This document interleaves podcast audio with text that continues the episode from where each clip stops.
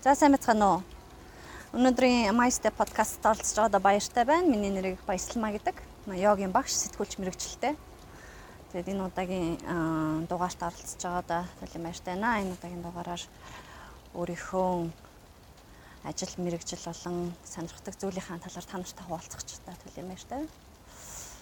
Тэгээ миний хувьд 2006 онд сэтгүүл зүүн Монгол Улсын сэтгүүл зүүн ангийг төгснөөс сэтгүүлч мэрэгчлэрээ гол төлөв э, ажилласан. Нийтлэл бичих э, сонин сэтгүүл телевизийн салбаруудад ажиллаж явж байгаад хуваараа бизнес эрхлээд тэрнээс хойш ер нь хуваараа бизнес эрхэлж явж байгаа л йог гэдэг зүйлтэй учирсан да. Йогийг анх 2013 оноос хойш хийж эхэлсэн. Ер нь хүн болго йог хийж эхлэхээр эрүүл мэндийн шалтгаантай болоод эхэлдэг. Йог эхэл хийж эхэлсэн шалтгаан нь эрүүл мэндийн шалтгаан байдаг. Ихэвчлэн хүмүүсийг хараад хахад гэхдээ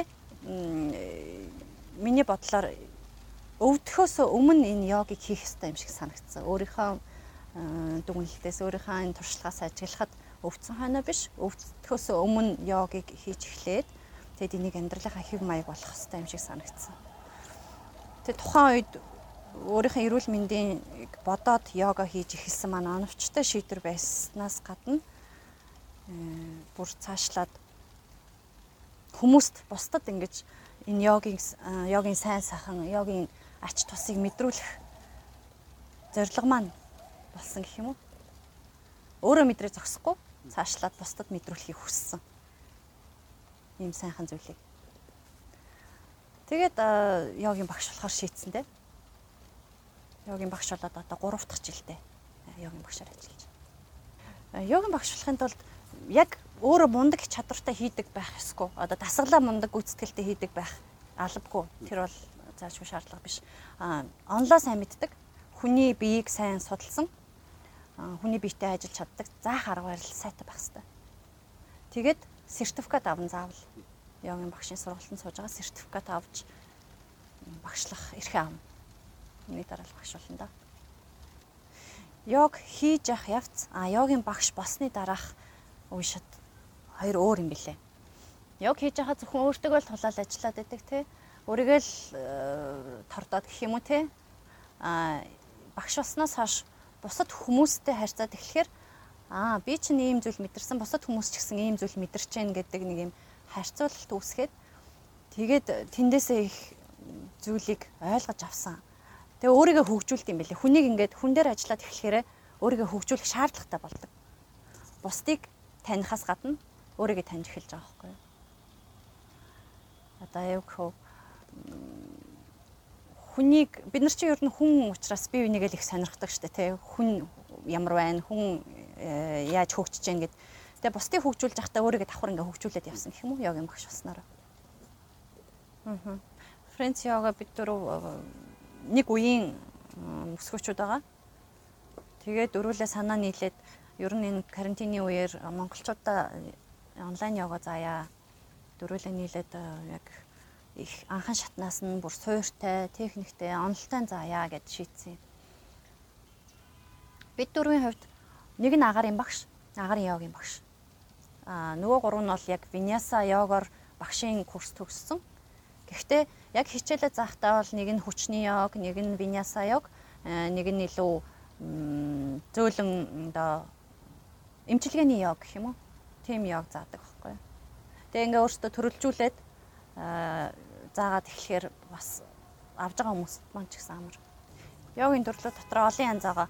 Гэхдээ энэ олон төрлүүд нь нэг тийм тэрийг илүүчлэн чухалчилж сонго, энийг чухалчилж сонго гэсэн юм ялгаа бол байхгүй хүн өөрийнхөө биед онцлог тохирсон өөрийнхөө сонирхсан йогийн төрлөө сонгоно.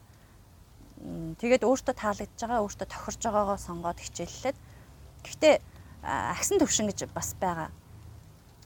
Арай нэг зөөлөн йогоос эхлээд жоохон агсан төвшин рүү ороо тий. Тэгээ илүү бие хүчийнхаа биеийн хүч, сэтгэлийн хүч хата илүү чадваржуулаад явах тал дээр бол жоохон тийм төвшингүүд бол байгаа. Энтгэхүүд анх энэ чинь энтгэхт үссэн шүү дээ. Тэгэхээр энтгэгүүд ийм йогийн гэхээс илүү шашны урсгал маягаар йогыг бас төрөлжүүлсэн байгаа байхгүй юу. Тэгээ энэндээ нөгөө тарин мантра юу гэдэг тэрийг оруулаад ингээ шингээгээд өгсөн бясалгалаа шингээгээд өгсөн. Тэнгүүд ингээ олон төрөл болоод нэг юм одоо манайхаар бол мухар сүсэг гэдэг юм уу тийм маягаар хүмүүс бас дагаж хийгээд байна л да. Гэтэл яг нэг юм энэ бол нэг л үзүүртэй зүйл байхгүй юу? Уг нь бүгдээрээ л нэг чиглэл рүү явж байгаа. Бүгд сайн сайхны төлөө, бүгд гэгэрлийн төлөө ч гэдэг юм уу? Бүгд эрүүл мэндийн төлөө, тэ эрүүл сайхан амьдрахын төлөө явж байгаа. Гэтэл зарим талаасаа бас ийм шашин болоод хүмүүсийг мунхруулад байх зүйл ажиглагддаг. Тэгэхээр ингэж олон хуваагдах шаардлагагүй юм шиг санагдаж. Зүгээр йогийн дасгалуудаа сонгож болно. А тэн дундаас өөрөө ямарын сонгомоор энэ тэргээл хийгээд явахаас урсгал бол болгож бүр туйширмааргүй санагддаг.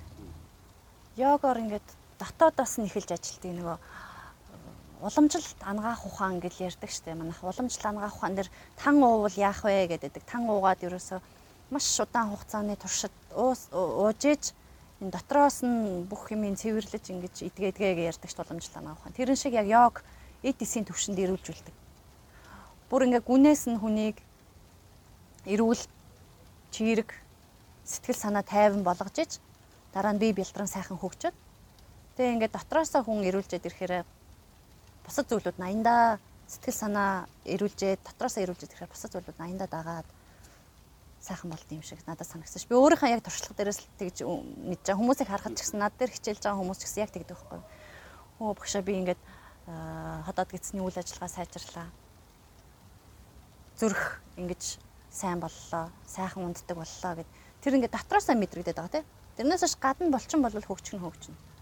Дотор эргэтэн тогтолцоо тэр эдисийн төвшөндөө ирүүлжээд байгаа их ярьдаг байхгүй юм.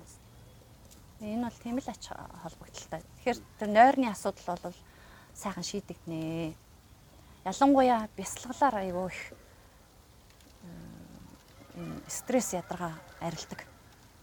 Би сүүлийн 3 жил бас випашна бясалгалаар хичээлсэн гэж ярих шин випашна бясалгалыг хийж даадсан. 10 хоногийн бясалгалд нөгөө вакуум бясалгалд очиж суудаг штэ тэнд очиж суусан 3 жил тасралтгүй очиж суугаад тэгээ өөрт бас нэлээд их зүйл мэдрэгцэн сэтгэл санааны хувьд тайван байдал альва зүйлд хандах хандлага бусадтай харьцах харьцаа гэдээ олон зүйлээр өөрчлөлт гарсан. Тэгэхээр йогыг бясалгалтай хослуулах хэрэгтэй. Дасгалаа хийхээс гадна сэтгэл санаандаа дасгал хий. Бясалгал гэдэг чинь өөрөө тархины тайвшрал, тархины дасгал ахгүй юу? Тэгэхээр биеэ хөгжүүлчихэд хажуугаар нь оюун санаагаа бас хөгжүүлэх байж болохгүй тийм. Тэгээд бясалгал хажуугаар нь давхар хий сэтгүүлч мэрэгчлэрээ ажилласан цагаас хойш яг тогтвортой ажилласан бол ТV зон сэтгүүлийг анх үүсгээд ажилласан. Аа 7 хоногийн шилдэг сэтгүүлээр тухайн үед шалгарч 7 хоног дотмын шилдэг сэтгүүлээр шалгарч исэн. Тэгээ дараа нь G Entertainment та удаа хугацаанд хамтарч ажилласан олон нэвтрүүлгүүд хийсэн нөгөө тухайн үед ч нэг юм strong man гэдэргээл нэвтрүүлгүүд явдаг гэсэн шүү дээ. Хүч чадлын тэмцээнүүд турцгай мурцгай гэл нэг нэвтрүүлгүүд их явдаг гэсэн. Тэрийг хийдэг гэсэн. Хуваараа нийтлэлүүд бичсэн аян замын тэмдэглэлүүд бичиж сэтгүүлүүд дээр их нийтлүүлсэн. Яг тэгвэл олон газруудаар их аялсан. Дэлхийн олон газруудаар аялж авах хугацаанд тэр талаараа нийтлэл бичсэн. Тэгээ дараа нь нүд цэгийн мэн гэд сайт нэгээд хүмүүстэй хамтарч ажиллаад одоо тэрийг яг ажилуулж л байна. Өөрийнхөө сонирхлоор гэх юм уу мэрэгжлийнхаа юуг алдахгүй гэсэн үднээс өөрийнхөө дуртай зүйлээ хийгээл явж байна. Йога дээр нас заадаггүй. Хүүхдийн йога э, гэж э, яг арга нь л өөр болохоос биш йога л хийлгэнэ. А мэдээж хүүхдэд э, насан турсан хүний дасгал хийлгэхгүй тийм ээ. Тэр чинь нөгөө би энэ сайн хөгжөөг үеийн хөгжил үеийн хөгжил муу учраас арай хүүхдэд тохирсон дасгалууд илгэн хідэн ч наснаас эхэлж хүн хичээлж болно. Тэгээд өсвөр нас өсвөр насныханд бол йог бясалгал маш үр дүнтэй хэрэгтэй байгаа. Ялангуяа ийм нийгмийн хурдтай хөгжиж байгаа ийм ийм үед бол өсвөр насны хүүхдүүдийн анхаарлыг хандуулах, төвлөрүүлэх илүү чухал байгаа байхгүй юу? Хүн чинь өдөр болгон ингээд мэдээллийн э, тойрогт ороод ирэхээр ямар нэгэн юмд анхаарал нь төвлөрөхгүй. Тэгээд э, жоохон сэтгэл зүүн готрал гэх юм уу те тэгээ өсвөр насныхан ч их амиа хорлож гин гэж яриад байгаа шүү. Тэгэхээр өсвөр насныханд маань бясалгал илүү хэрэгтэй байна, йога их хэрэгтэй байна. тэдэнтэй бид нар эцэг эхчүүд бид нар өөрсдөө сайн ярилцаж нөгөө ойлголцоход хэцүү болцсон учраас бусад хүчин зүйлүүдээр дамжуулж хэрхэн харилцах вэ те өсвөр насныхантайгаа. Тэдрийг зөв зөвл рүү яаж татаж оруулах вэ? Яаж дагуулах вэ? гэдэгт их тустай л гэж боддоо шүү дээ яг бясалгал. Э, цагаан хоол идэхээр илүү бие махбодын хөвд хөнгөн байдаг тал бий. Одоо бясалгахад ялангуяа их нэмэртэй. Яагаад гэвэл ингээд хүнд хоол идчихэл шүн унтах ч гэсэн хүнд шүү дээ. Зүудлээл те. Тэр чи ходоод гэж ажиллаад хэцүү байгаа шүү. Тэгэхээр бясалгаа суухад ч гэсэн сэтгэл санаа тайван байхын тулд цагаан хоол идэх ер нь заашгүй шаардлагатай. Ялангуяа випашна бясалгал дээр 10 хоног хол нөгөө вакуум бясалгал дээр суухад бол цагаан хоол өгдөг. Тэр бол маш үр дүнтэй. Тэгжээч хүн төвлөрөөд суудаг. Тарих сайн ажилдаг. Төвлөрдөг гэх юм уу. Гэхдээ яг уу газар нутгийнхаа онцлогоос олоо бид нарт цагаан хоол зохихгүй байна л да монголчуудад. Байнгын солигдож идэг цаг ууртай газар монголчуудад яг тухайн орныхаа газар нутгийн онцлогийг шингэсэн шингээсэн хоолол идэж авахгүй бол бид нар цагаан хоол жоохон тохирохгүй юм шиг санагддаг шүү дээ. Йога хийхэд бол цагаан хоол заавал идэх шаардлагагүй. Өөртөө тохирсон биеийнхээ онцлог тохирсон хоол гэж бас байдаг. Нөгөө хүний биеийн хий шар бадгана гэж ярьдаг штеп монголчууд. Тэрэндээ тохирсон хоол унийг идэл тэгээ улиралдаа тохирсон хоолыг идэл яваагаа ичнэ. Яг дасгалын дараа юу идэх вэ гэдг нь хүртэл байдаг. Шууд тэр даруйда хүн тоол идэж болохгүй гэдэг дасгал хийснээс хойш 30 минутын дараа хөнгөн хоол ид гэж ярьдаг. Йога дээр бол а хүнд ачаалтаа дасгал хийсэн хүмүүс бол хурдан хугацаанд нөгөө алдсан энерги нөхөхийн тулд хоолоо ид гэж ярьдаг. А йога дээр нөгөө дотор эд эрхтнээ сайн ажилуулад ингээд дасгал хийсэн учраас эд эрхтнийг сэргээсэн учраас жоохон амс хийж агаад тэгээд араас нь ус суугаад хөнгөн хоолоо идээд ингээд ингээ баг багаар ахиулаад явдаг байхгүй юу? Зөв хооллолт л чухал. Тэрнээс их идэх одоо тэр бол нэг чухал биш. Йога ер нь нэг сараас 2 сарын дараа ерөнхий хүнд ингээд мэдрэгд мэдрэгдэх өөрчлөлтүүд гараад эхэлтیں۔ ядаж нойрондоо сайн болно. Тэгээд нөгөө ходоод гисний гөрүүлц хөдөлгөөн тий сайн болоод за нөгөө өвтгөн хаталт эдэргээл асуудлууд байдаг ш хүмүүст тэр асуудлууд ор мөргөө алга болоод тэр талаараа зөндөө хэлдэг байхгүй юу. Сарын дараа л би энд илт мэдэгдэж эхэллээ багшаа. Үнэхээр сайхан байна. Нойр их хүрлээ. Нойроод ихгүй байна. Одоо унтдаг боллоо гэж яриад эхэлдэг. Бүр нарийн ярил дасгалууд бас ийм дэгтэй байдаг. Өглөө хийдэг дасгал, өдөр хийдэг дасгал, орой хийдэг дасгал гэж байдаг. Гэхдээ йогийг ихэвчлэн өглөө хийвэл илүү сайн. Их бие сэргэг гоё болдог байхгүй. Орой унтахын өмнө хийдэг дасгалууд байдаг. Тайвшруулдаг, амраадаг, нойр хүрэгдэг гэдэг. Тэгтэл өглөө цагаан босчоод дасгалаа хийчихвэл тэр өдөртөө ирч хүчтэй, энергитэй болоо явчихдаг. Зарим студиуд 6 6 цагийн хичээлтэй байдаг. Э, миний хувьд бол одоогоор 8 цагт хамгийн эртнийхэн хичээлийг зааж байна. Тэгээд оройных нь 6 цагт. Ер нь 8-аас хойш бол йогийн дасгалыг нэг заагаад хэрэг өөрөө харин амьсгалын дасгал тэ унтахын өмнөх тайвшруулах дасгалаа зүгээр орондоо орчоод хийчихэж болно. Би нэг уул руу алхсан чинь өвдөг өвдөд тэгсэн чинь бас буруу алхсан юм шиг байна. Одоо ингээд хараад хахад яг зөвхөн цэвэр йогоор явхандаас учир дутагдaltaй байна. Йога ч нөгөө нарийн болчингуудыг хөгжүүлдэг байхгүй юу? Аа фитнес болохоор нөгөө гадна те мөдөн мөдөн болчингуудыг хөгжүүлдэг. Тэгээд э, йогийнхаа хажуугаар гадна болчингуудаа сайн хөгжүүлээд хослуулах хэрэгтэй гэнэ ажиглагдсан. Одоо энэ йогчд харахаар л ингээл нэг л уярсан уян зөөлн нугарсан хүмүүс байгаад байдаг. Нугарсан хугарсан сунсан л хүмүүс байгаад байдаг шүү дээ. Гэтэл нөгөө хүч байхгүй болчиход байдаг. Тэгээд хажуугаар нь бас жоохон хүчний дасгал хийж байвал гадаад физикли хүчтэй хүч нь илүү сайжрах юм уу гэж харагдсан. Э баг байхад 10 жил байхад хийлэгдэг байсан тэр биеийн тамирын багш нарын дасгал чинь уг нь бол одоо бид нар дасгал хийхийнхээ өмнө сакс тоглохынхаа өмнө хийх ёстой зүйлүүд байгаа байхгүй юу? Суниалгадаг, гарынхаа бугууг эргүүлдэг, хөлийнхаа шагааг эргүүлдэг. Энд чинь нэг үе халааж агаад Тэгээд сунгалтаа хийж байгаа дараа нь тэр юмнуудаа хийх хэрэгтэй байтал гүйжжал нэг суугаал шүрмсөө тасалчдаг тий. Йог дээр ч гэсэн айгүй их бэртдэг байхгүй юу? Гэхдээ хувь хүн өөрөө эхлээд бие халаах дасгалуудыг хийж явах хэрэгтэй заавал. Багш нуг нь биеийг халаалаад.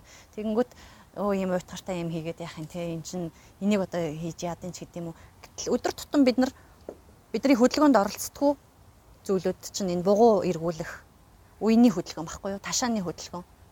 Тэгээ өдөр тутамдаа хийдэггүй зүйлээ э, очиж жоод гинт дасгал хийхээр чинь нөгөө халаагүй биеин дээр бие гимтэх гимтэх өндөр магадлалтай болоод ирдэг.